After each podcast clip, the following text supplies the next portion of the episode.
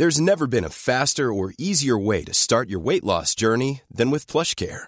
PlushCare accepts most insurance plans and gives you online access to board-certified physicians who can prescribe FDA-approved weight loss medications like Wigovi and Zepbound for those who qualify. Take charge of your health and speak with a board-certified physician about a weight loss plan that's right for you.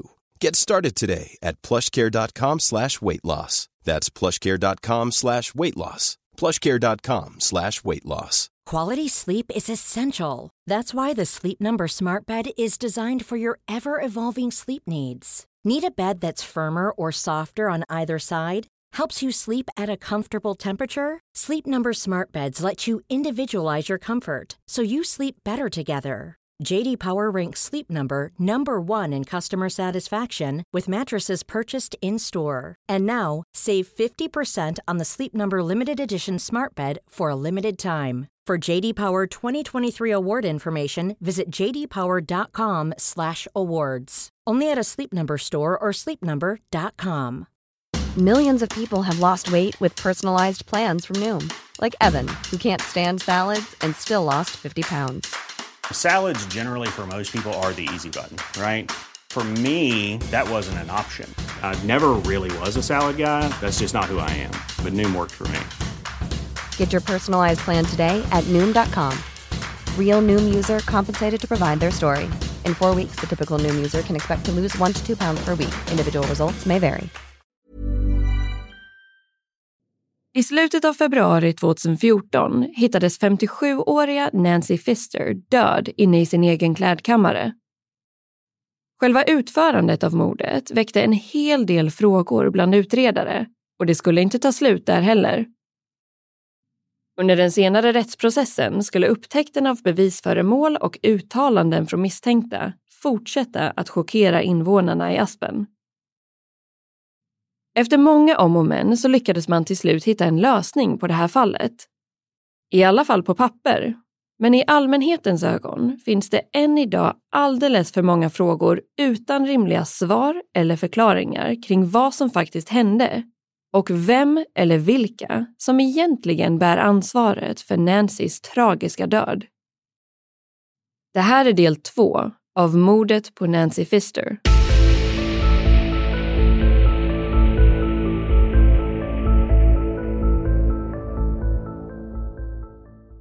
Hej och varmt välkomna ska ni vara till den här veckans avsnitt och del två av mordet på Nancy Fester. Och nu har ännu en vecka passerat och ni har ju såklart haft för er en hel del andra saker. Så för att friska upp minnet lite så kommer vi därför köra en kort liten sammanfattning kring vad Annie tog upp i den första delen. Men det är fortfarande värt att påminna om att ni absolut borde lyssna på den första delen innan ni lyssnar vidare på det här avsnittet. För annars kommer det nog bli väldigt svårt att hänga med. Precis, för det här blir alltså bara en kort summering följt av de allra sista minuterna från del 1. Därefter så kommer jag hoppa direkt in i del 2 av det här fallet. Men i den första delen så gick vi igenom Nancys uppväxt och faktumet att hennes pappa, Art Fister, var en av personerna som satte Aspen på kartan som en av världens mest populära skidorter. Nancy levde ett, eh, enligt många, privilegierat liv fyllt av sociala kontakter, festande och resande. Hon hade flertalet romanser, men inga längre förhållanden. När hon var i 30-årsåldern fick hon däremot en dotter, Juliana. Under 2013 så höll den då 57-åriga Nancy på för fullt med planeringen inför sin kommande resa till Australien. För att få in lite extra pengar så valde hon att lägga ut en annons i tidningen om att hyra ut sitt lyxiga hus i Aspen. Ett par i 60-årsåldern svarade på annonsen och det här var William och Nancy Styler. Ett par som hade levt ett tryggt liv och haft framgångsrika karriärer bakom sig, men som hade stött på en del hinder och problem under senare år. Bland annat att William hade blivit diagnostiserad med en neurologisk sjukdom och nu var mer eller mindre rullstolsburen. Paret ville nu starta om på nytt i Aspen genom att öppna upp ett medicinskt spa. De flyttade in i Nancy Fisters hus och alla tre bodde där tillsammans under en period. Något som till en början gick bra, men efter ett tag uppstod en hel del konflikter dem emellan. Nancy och William Styler ansåg att Nancy Fister behandlade dem oerhört respektlöst och som sina undersåtar. Till slut åkte Nancy iväg på sin Australienresa men konflikterna kring bland annat hyresbetalningar fortsatte även på distans. Paret tvingades med kort varsel flytta ut från huset och Nancy återvände hem. Bara ett par dagar senare upptäcktes hennes döda kropp inne i bostadens klädkammare av väninnan Kathy Carpenter som genast larmade polisen. När utredare först kom dit så fick de inte alls en känsla av att ett brutalt mord hade begåtts i hemmet. Det mesta såg ut att vara i sin ordning och till och med sovrummet, platsen där man antog att mordet hade ägt rum, uppges ha varit i ett relativt rent och städat skick. Det enda som egentligen stack ut var som sagt en påtaglig lukt och en liten, liten blodfläck på sänggaveln. Precis som Kathy hade uppgett till polisen i sitt larmsamtal. Och Nancy hittades alltså inlindad i en massa lakan på golvet inne i klädkammaren. Kroppen hade också blivit ihopbunden med hjälp av några sladdar och därefter inlindad i stora sopsäckar som hade fyllts upp med enorma mängder blod. Anledningen till detta var att Nancy hade blivit slagen i huvudet med ett skarpt föremål flertalet gånger.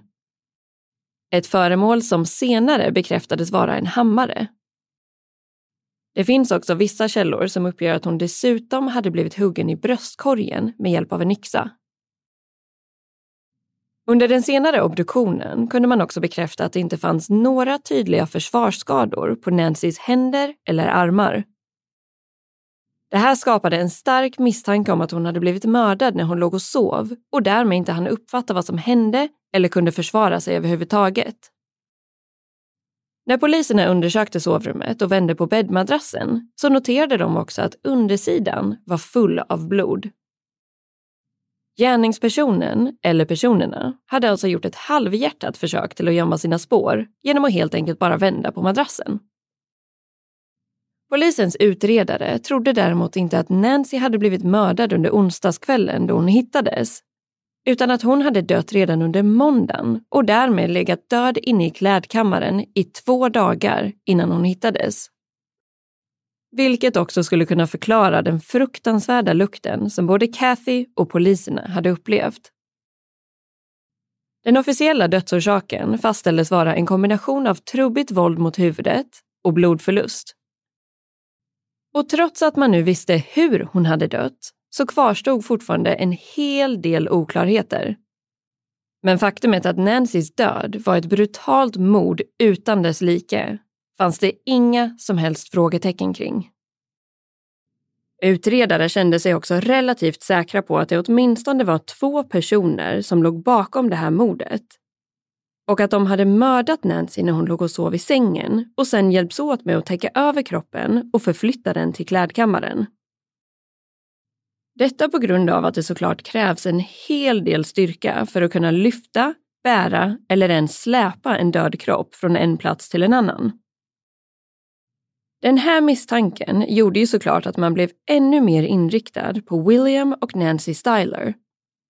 Även om man inte riktigt förstod hur William skulle ha kunnat vara delaktig i den här typen av aktivitet med tanke på att han knappt ens kunde gå. Ett annat problem i utredningen var ju såklart att deras DNA fanns lite överallt inne i bostaden eftersom att de hade bott där under en längre period innan mordet begicks. Det blev ju därför väldigt svårt att kunna bevisa vad som var normalt DNA och vad som var misstänkt DNA, så att säga. Polisen fortsatte därför sökandet efter mer konkreta bevis och bara ett par dagar senare så gjordes en väldigt intressant upptäckt. En renhållningsarbetare vid den närliggande orten Basalt höll då på att rensa soptunnor när han av en slump hittade en påse som innehöll en blodig hammare och några pillerburkar med Nancy Fisters namn på etiketten. Med tanke på att mordet på Nancy var överallt på nyheterna och det enda som invånarna i Colorado nu pratade om, så insåg han ganska direkt att det här kunde vara extremt viktiga föremål.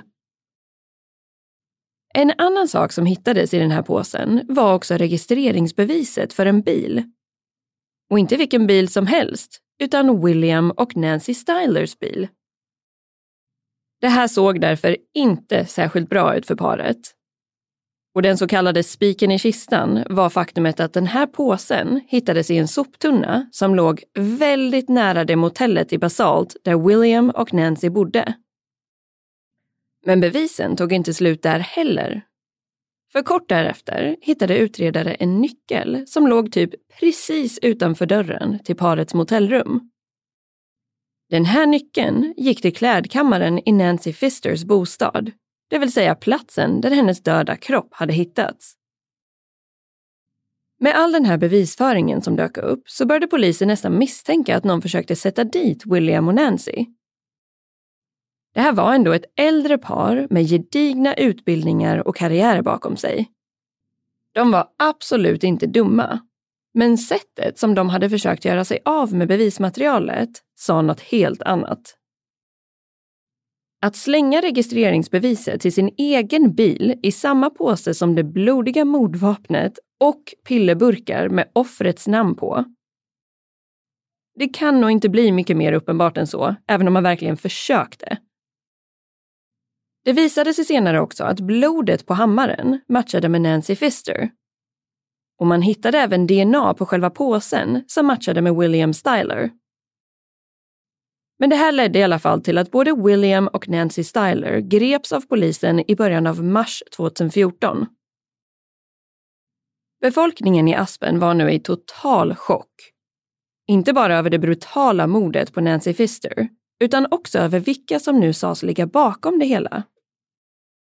Men bara ett par veckor senare så blev allt ännu mer förvirrande. Polisen valde då att gripa en tredje person som de misstänkte kunde vara inblandad. Och det här var Nancys väninna, Kathy Carpenter.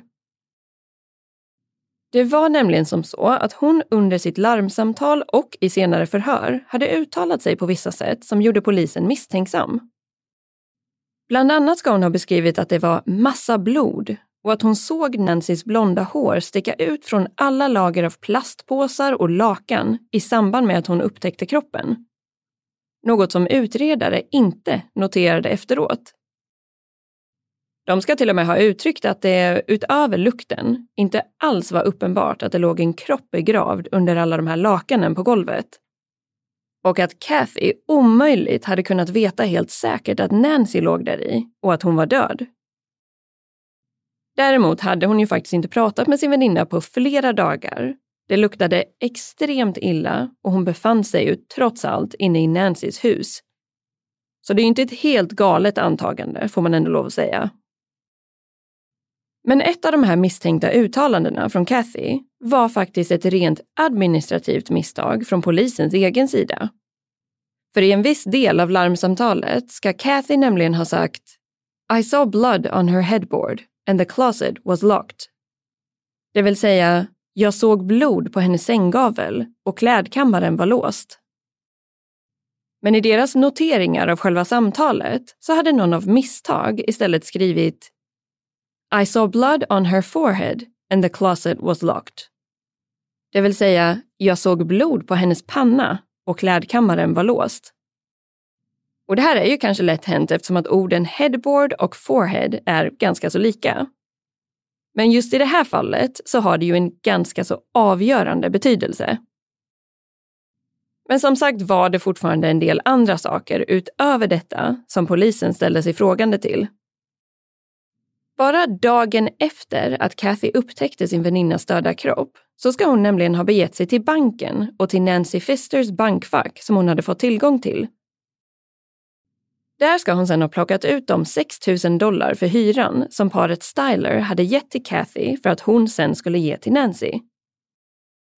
Utöver det så plockade hon med sig ett par av Nancys ärvda ringar. När polisen frågade Kathy om det här suspekta beteendet ska hon ha förklarat att hon hade tagit de här sakerna eftersom att hon ville vara helt säker på att Nancys dotter Juliana skulle få ta del av dem. Hon hade lovat Nancy att hon skulle se till att Juliana fick de här ringarna om någonting skulle hända henne. Utredare fick även reda på att Kathy också ska ha blivit ganska så illa behandlad av Nancy.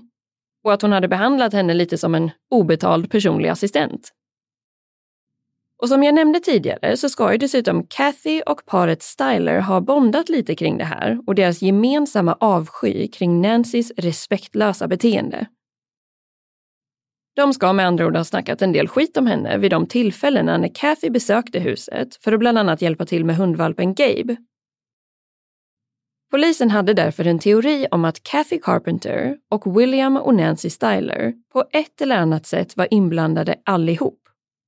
Antingen i planeringen av mordet, utförandet av mordet eller städningen efter mordet. Men den enda personens DNA som man faktiskt kunde koppla till mordet var däremot Williams. Det vill säga DNA som fanns på påsen som innehöll mordvapnet och som hittades i en soptunna. Kathy Carpenter nekade dock till att hon och Nancy skulle ha haft en dålig relation och sagt att de bara var otroligt goda och nära vänner. Trots att man inte hade något DNA från Nancy Styler som kunde användas så var utredare ganska så övertygade om att hon skulle haft ett finger med i spelet. De hade nämligen känslan av att det var hon som hatade Nancy allra mest och att William inte skulle ha agerat utan sin fru eftersom att hon ska ha varit lite den som bestämde i förhållandet. Paret Styler hade ju också varit ganska så öppna med hur mycket de faktiskt hatade Nancy. I en intervju med Nancy Styler från CBS News så frågar journalisten Maureen Mayer rakt ut om hon någonsin hade sagt att hon ville döda Nancy Fister. Nancy Styler svarar då att ja, det har jag sagt vid något tillfälle. Maureen säger då någonting i stil med att eh, det ser ju inte så bra ut för dig. Nancy Styler svarar då att nej, det ser inte så bra ut. Men tänk om alla som sa sånt blev tagna vid sitt ord. Hur många gånger har du själv sagt att jag skulle vilja döda henne? Och det här är ju såklart en bra poäng. Men som man också nämner i den här CBS-artikeln så brukar ju folk oftast inte hittas mördade efter att någon har uttryckt att de skulle vilja mörda personen i fråga. Men alla tre personer, Kathy, William och Nancy, satt nu anhållna och alla tre nekade till samtliga anklagelser och till all form av inblandning i mordet på Nancy Fister. Tids nog blev vinter till vår och invånarna i området gjorde sig redo för att en av Aspens mest omtalade rättegångar skulle påbörjas. Men precis innan dess så inträffade ännu en chockerande sak i det här fallet. William Styler bad då om att få göra ett officiellt uttalande angående mordet. Därefter förklarade William att det var han som var skyldig. Han hade, helt på egen hand, utfört det här fruktansvärda mordet på Nancy Fister. William sa sen att han skulle dela med sig av varenda liten detalj av mordet i utbyte mot att han själv skulle få ett tidsbegränsat fängelsestraff på 20 år. Utöver det krävde William att hans fru Nancy Styler skulle bli frisläppt och att hon aldrig någonsin skulle kunna ställas inför rätta för mordet på Nancy Fister.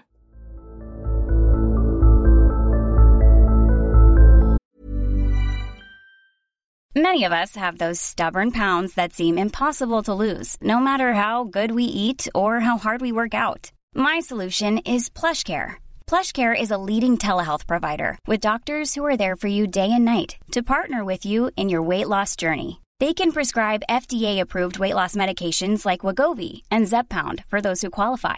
Plus, they accept most insurance plans. To get started, visit plushcare.com slash weight loss. That's plushcare.com slash weight loss.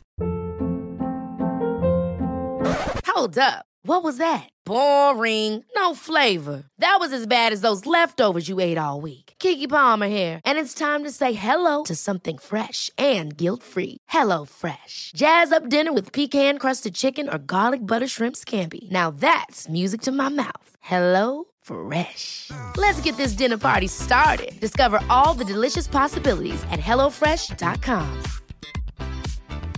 Quality sleep is essential. That's why the Sleep Number Smart Bed is designed for your ever evolving sleep needs. Need a bed that's firmer or softer on either side? Helps you sleep at a comfortable temperature? Sleep Number Smart Beds let you individualize your comfort so you sleep better together. JD Power ranks Sleep Number number 1 in customer satisfaction with mattresses purchased in-store. And now, save 50% on the Sleep Number limited edition Smart Bed for a limited time. For JD Power 2023 award information, visit jdpower.com/awards. Only at a Sleep Number store or sleepnumber.com.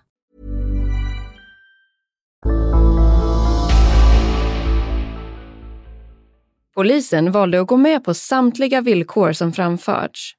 Och både Nancy Styler och Kathy Carpenter släpptes fria i samband med Williams erkännande. Det var ju också så att hans DNA kunde kopplas till mordet, men ingen av de andras kunde det. Efter att den här dealen var bekräftad så fortsatte William med sin utsaga om vad som hade hänt och hur mordet faktiskt hade gått till. Enligt honom själv hade han då lämnat sin fru sovandes på motellet i Basalt och tagit sig bort till Nancy Fisters hus i syfte att prata med henne och reda ut konflikten dem emellan.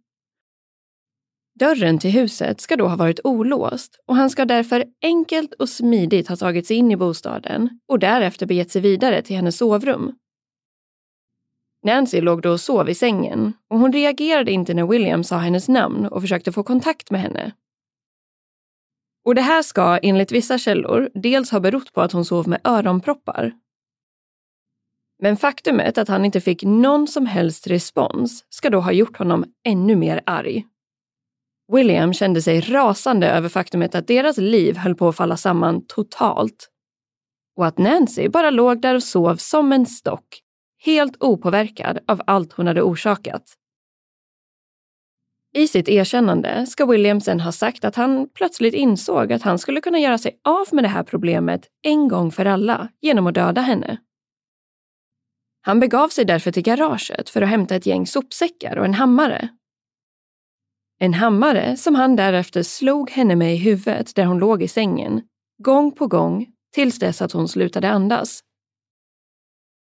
Sopsäckarna använde han för att förhindra att blodet skulle skvätta överallt och det förklarar ju faktumet att det inte fanns särskilt mycket blodspår i eller runt sängen. William förklarade sen att han drog ner Nancys döda kropp på ett lakan och band fast hennes händer och fötter med hjälp av en förlängningssladd. Därefter drog han kroppen, sakta men säkert, ända bort till klädkammaren där han slutligen lämnade henne. Och där väninnan Kathy senare upptäckte henne. William sa också att han tog mordvapnet, alltså hammaren, och några andra av Nancys tillhörigheter och la ner i en påse. Den här påsen slängde han vid ett senare tillfälle i en allmän soptunna i närheten av motellet där paret bodde. Polisen ska givetvis ha tagit upp faktumet att det inte var ett särskilt smart eller effektivt sätt för honom att göra sig av med bevismaterialet. William ska då ha sagt att det inte var smart alls, men att han inte kan påstå att han hade agerat särskilt smart överhuvudtaget den där natten. Polisen tog emot den här bekännelsen och frisläppte ju både Nancy Styler och Kathy Carpenter. Men däremot ska de inte ha varit helt sålda på den här utsagan och att William skulle ha begått det här mordet helt själv. Men med tanke på att det i princip inte fanns någonting annat att gå på i utredningen så hade man inte mycket annat val än att acceptera Williams erkännande och de tillhörande villkoren. Resonemanget ska också ha varit att det kändes oerhört viktigt att få någon form av avslut. Om inte annat för Nancy Fisters familj och anhöriga. William Styler dömdes slutligen för det här mordet och tilldelades, enligt avtal, ett tidsbestämt fängelsestraff på 20 år. Det ska dock sägas att han var drygt 65 år gammal vid den här tidpunkten och att hans hälsa var långt ifrån god. Så rent krast skulle man nog kunna säga att 20 år innebar livstid, även om det inte formulerades så på papper. Efter att domen utdelats i juni 2014 så förflyttades William till fängelset Arrowhead Correctional Facility i Colorado Däremot skulle han inte hinna spendera särskilt lång tid där inne. För i början av augusti 2015, det vill säga drygt ett år senare, så begick William Styler självmord inne i sin cell. En tid efter detta så ansökte Nancy Styler om att få ut en större summa pengar från sin makes livförsäkring. Och med en större summa pengar menar jag ungefär en miljon dollar.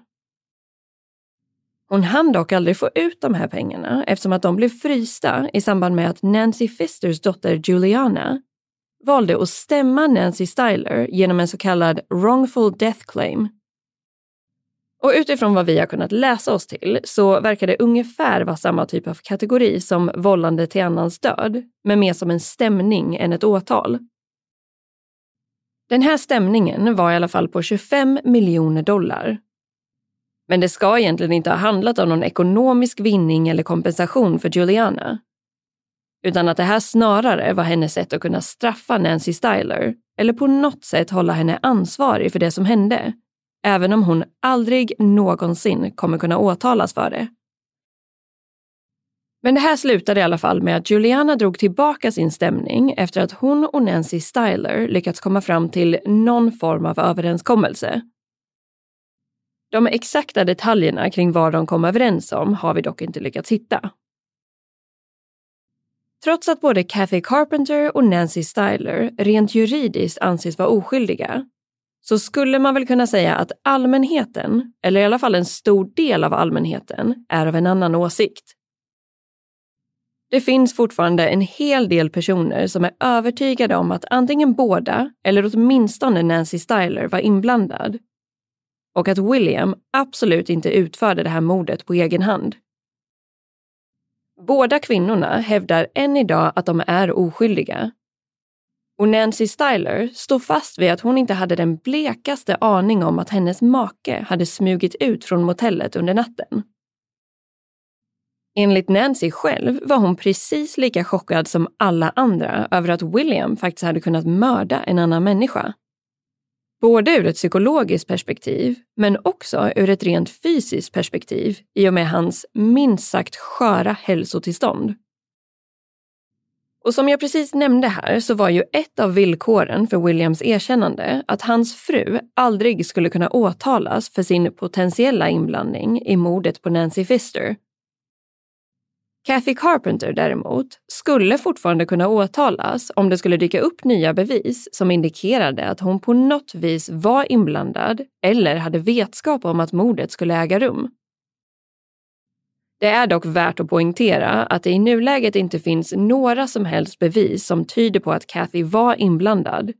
Och många av Nancy Fisters anhöriga har uttalat sig om att de absolut inte tror att hon hade någonting med mordet att göra. En av dessa anhöriga är bland annat Nancys dotter Juliana. Men Kathy Carpenter förlorade sitt jobb på banken i Aspen och valde senare att lämna staden bakom sig. Enligt uppgift ska hon ha flyttat hem till sin mamma och startat upp ett nytt liv på annan ort. Hon har själv uttalat sig om att något av det värsta i allt det här är att det finns människor som tror att hon faktiskt skulle kunna vara kapabel till något sånt här kapabel till att mörda en av sina närmsta vänner. Drygt ett och ett halvt år efter att mordet ägt rum så valde Nancy Styler att släppa en bok som heter Guilt by Matrimony. A memoir of love, madness and the murder of Nancy Fister. Och med frasen guilt by matrimony så menar hon ju alltså att hon själv anses vara skyldig på grund av att hon var gift med William Styler som officiellt mördade Nancy. Det här boksläppet var också bara några få månader efter att hennes make hade begått självmord inne i fängelset. I den här boken försöker Nancy att få fram sin sida av historien. Men i mångas ögon så är det i princip bara en bok full av skitsnack och elakheter om Nancy Fister. Och nu har ingen av oss faktiskt suttit och läst igenom hela den här boken. Men utifrån de utdragen som vi har läst så kan man nog känna att den beskrivningen stämmer ganska så bra. Så det här kontroversiella boksläppet gjorde henne inga tjänster precis. Snarare blev det så att själva innehållet i boken bidrog ännu mer till den allmänna misstanken om att Nancy Styler på något vis hade varit inblandad i mordet. Nancy Fisters anhöriga försökte tillsammans med Kathy Carpenter att stoppa den här boken från att publiceras, men lyckades dessvärre inte. Som man kan förstå så väckte boken en livlig debatt hos invånarna i Aspen och den togs inte emot särskilt väl alls. Till och med utredare från polisen har uttalat sig om att det känns otroligt onödigt och rent av elakt att släppa en bok med den här typen av innehåll. Den handlar trots allt om en kvinna som är död och inte har möjlighet att kunna försvara sig mot det som tas upp om hennes karaktär, beteenden och livsval. Så man kan ju bara tänka sig hur smärtsamt och frustrerande det måste ha varit för Nancys familj och vänner att behöva läsa allt det här. Och speciellt när det bara hade gått ett och ett halvt år sedan allting hände. Efter mordet så ansökte Nancy Styler om skilsmässa från William. Hon bytte senare tillbaka till sitt familjenamn och valde även hon att bosätta sig i en annan delstat. Efter Nancy Fisters död så gick dottern Juliana och Kathy Carpenter ihop för att skicka in en gemensam ansökan om att Nancy Fisters namn skulle adderas till ett minnesmärke i Aspen. Det här minnesmärket har titeln In Memory of Friends of Aspen och finns till för att hedra tidigare invånare från Colorado och framförallt Aspen. År 2016 gick den här ansökan igenom och Nancys namn adderades till det här minnesmärket. Hon var en stor och viktig del av Aspen och hennes familj var högst delaktiga i att bygga upp platsen till där den är idag. Det här brutala mordet på Nancy Fister chockade invånarna i Aspen och fortsätter än idag att skapa rubriker. De allra flesta har gått vidare men inte de som kände Nancy personligen. Hon blev 57 år gammal och har beskrivits som en riktig social butterfly. Alltså en väldigt social och öppen person. Hon gjorde ett starkt intryck på alla hon träffade under sitt liv och lämnade därför bakom sig ett stort tomrum bland nära och kära. Själva begravningsceremonin för Nancy Fister hölls i mars 2014 på Hotel Jerome i Aspen en av Nancys absoluta favoritplatser. Drygt 400 personer var på plats för att ta farväl och för att hedra hennes äventyrliga och minnesvärda liv. Flera familjemedlemmar och vänner höll tal där de delade med sig av sina bästa och finaste minnen. Och jag tänker att vi kan ta och avsluta med en liten del från dottern Julianas tal till och om sin mamma Nancy. Så det kommer här. She was my portal into this world. She told me there was a soul knocking, and so she had me. But I feel like I chose her. I really thought we had more time. The most important thing is to remember and honor her. I hope she's shining on as the eternal butterfly that she is.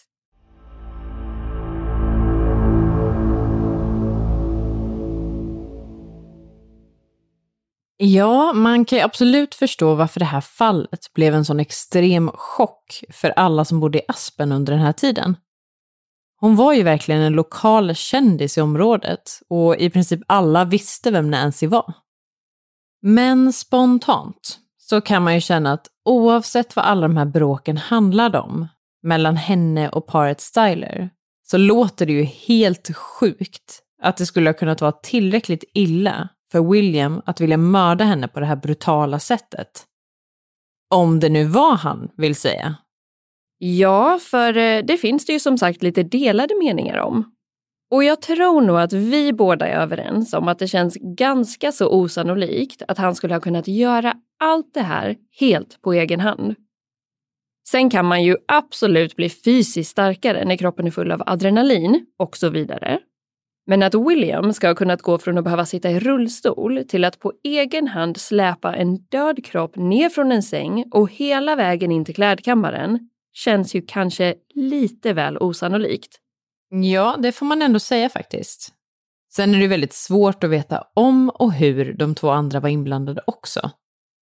Men det vore ju väldigt frustrerande om det skulle dyka upp mer bevis som indikerade att Nancy Styler faktiskt var inblandad men att man då rent juridiskt inte skulle kunna göra något åt saken ändå.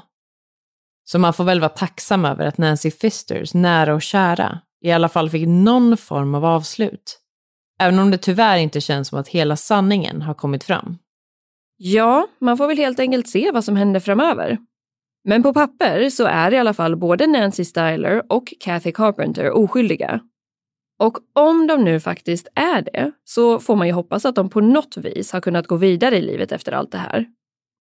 Men i vanlig ordning så får ni mer än gärna dela med er av vad ni tycker och tänker om det här fallet. Och eh, ni kan alltid nå oss via Facebook eller Instagram där vi heter Rysapodden.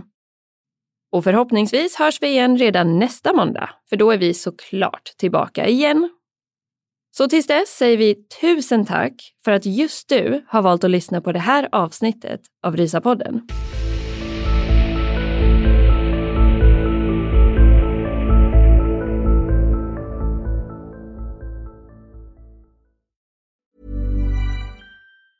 Ever catch yourself eating the same flavorless dinner three days in a row? Dreaming of something better? Well, HelloFresh is your guilt-free dream come true, baby. It's me, Gigi Palmer. Let's wake up those taste buds with hot, juicy pecan-crusted chicken or garlic butter shrimp scampi. Mm. Hello Fresh. Stop dreaming of all the delicious possibilities and dig in at HelloFresh.com. Let's get this dinner party started.